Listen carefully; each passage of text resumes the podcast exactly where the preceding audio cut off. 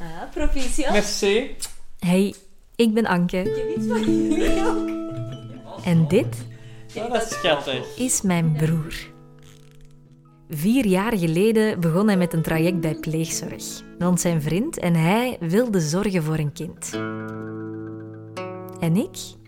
Ik stond erbij, keek ernaar en volgde alles op de voet. Van de selectieprocedure tot nu.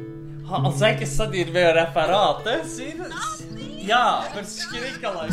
Want toen hij me vier jaar geleden in het grootste geheim over pleegzorg vertelde, gingen er veel gedachten en vragen door mijn hoofd. Waar begint mijn broer eigenlijk aan?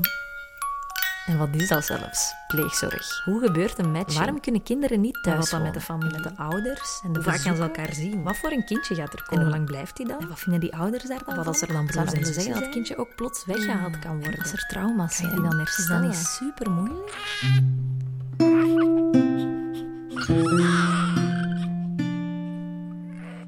Om een antwoord te krijgen op al die vragen sprak ik met ouders, pleegkinderen, pleeggezinnen en ook experten. Dat is ja, een, een, on- een donderslag bij heldere hemel. Hè. Afscheid? Nee, dat heb ik eigenlijk niet gedaan. Omdat ik wist van dat dat mijn zoon was, dus dat ik ervoor ging blijven vechten. Het is soms wel wat moeilijk om zo, als je opgroeit, je wilt je altijd kunnen vergelijken met iemand. Hè. Je wilt altijd kunnen zeggen, ah, dat heb ik van mijn papa, dat heb ik van mijn mama. En dat, dat zijn eigenlijk dingen die ik, ehm, die ik nog goed weet. Ik wist niet wat dat was om voor een kind te zorgen. Ik kon zelf op dat moment niet voor mijn eigen zorgen, laat staan om voor een baby te zorgen. Ik had op dat moment niks.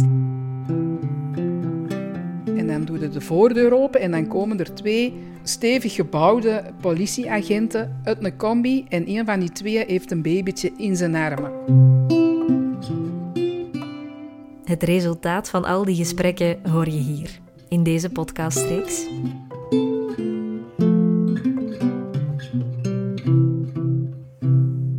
Nest is een podcastreeks van Radio 1 gemaakt door mezelf. Ik ben Anke van Meer.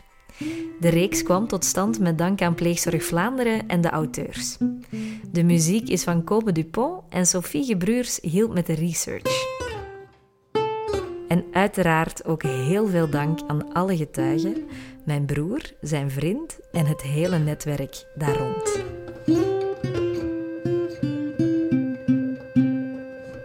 We zijn er volledig klaar voor. Ik ben er helemaal klaar voor.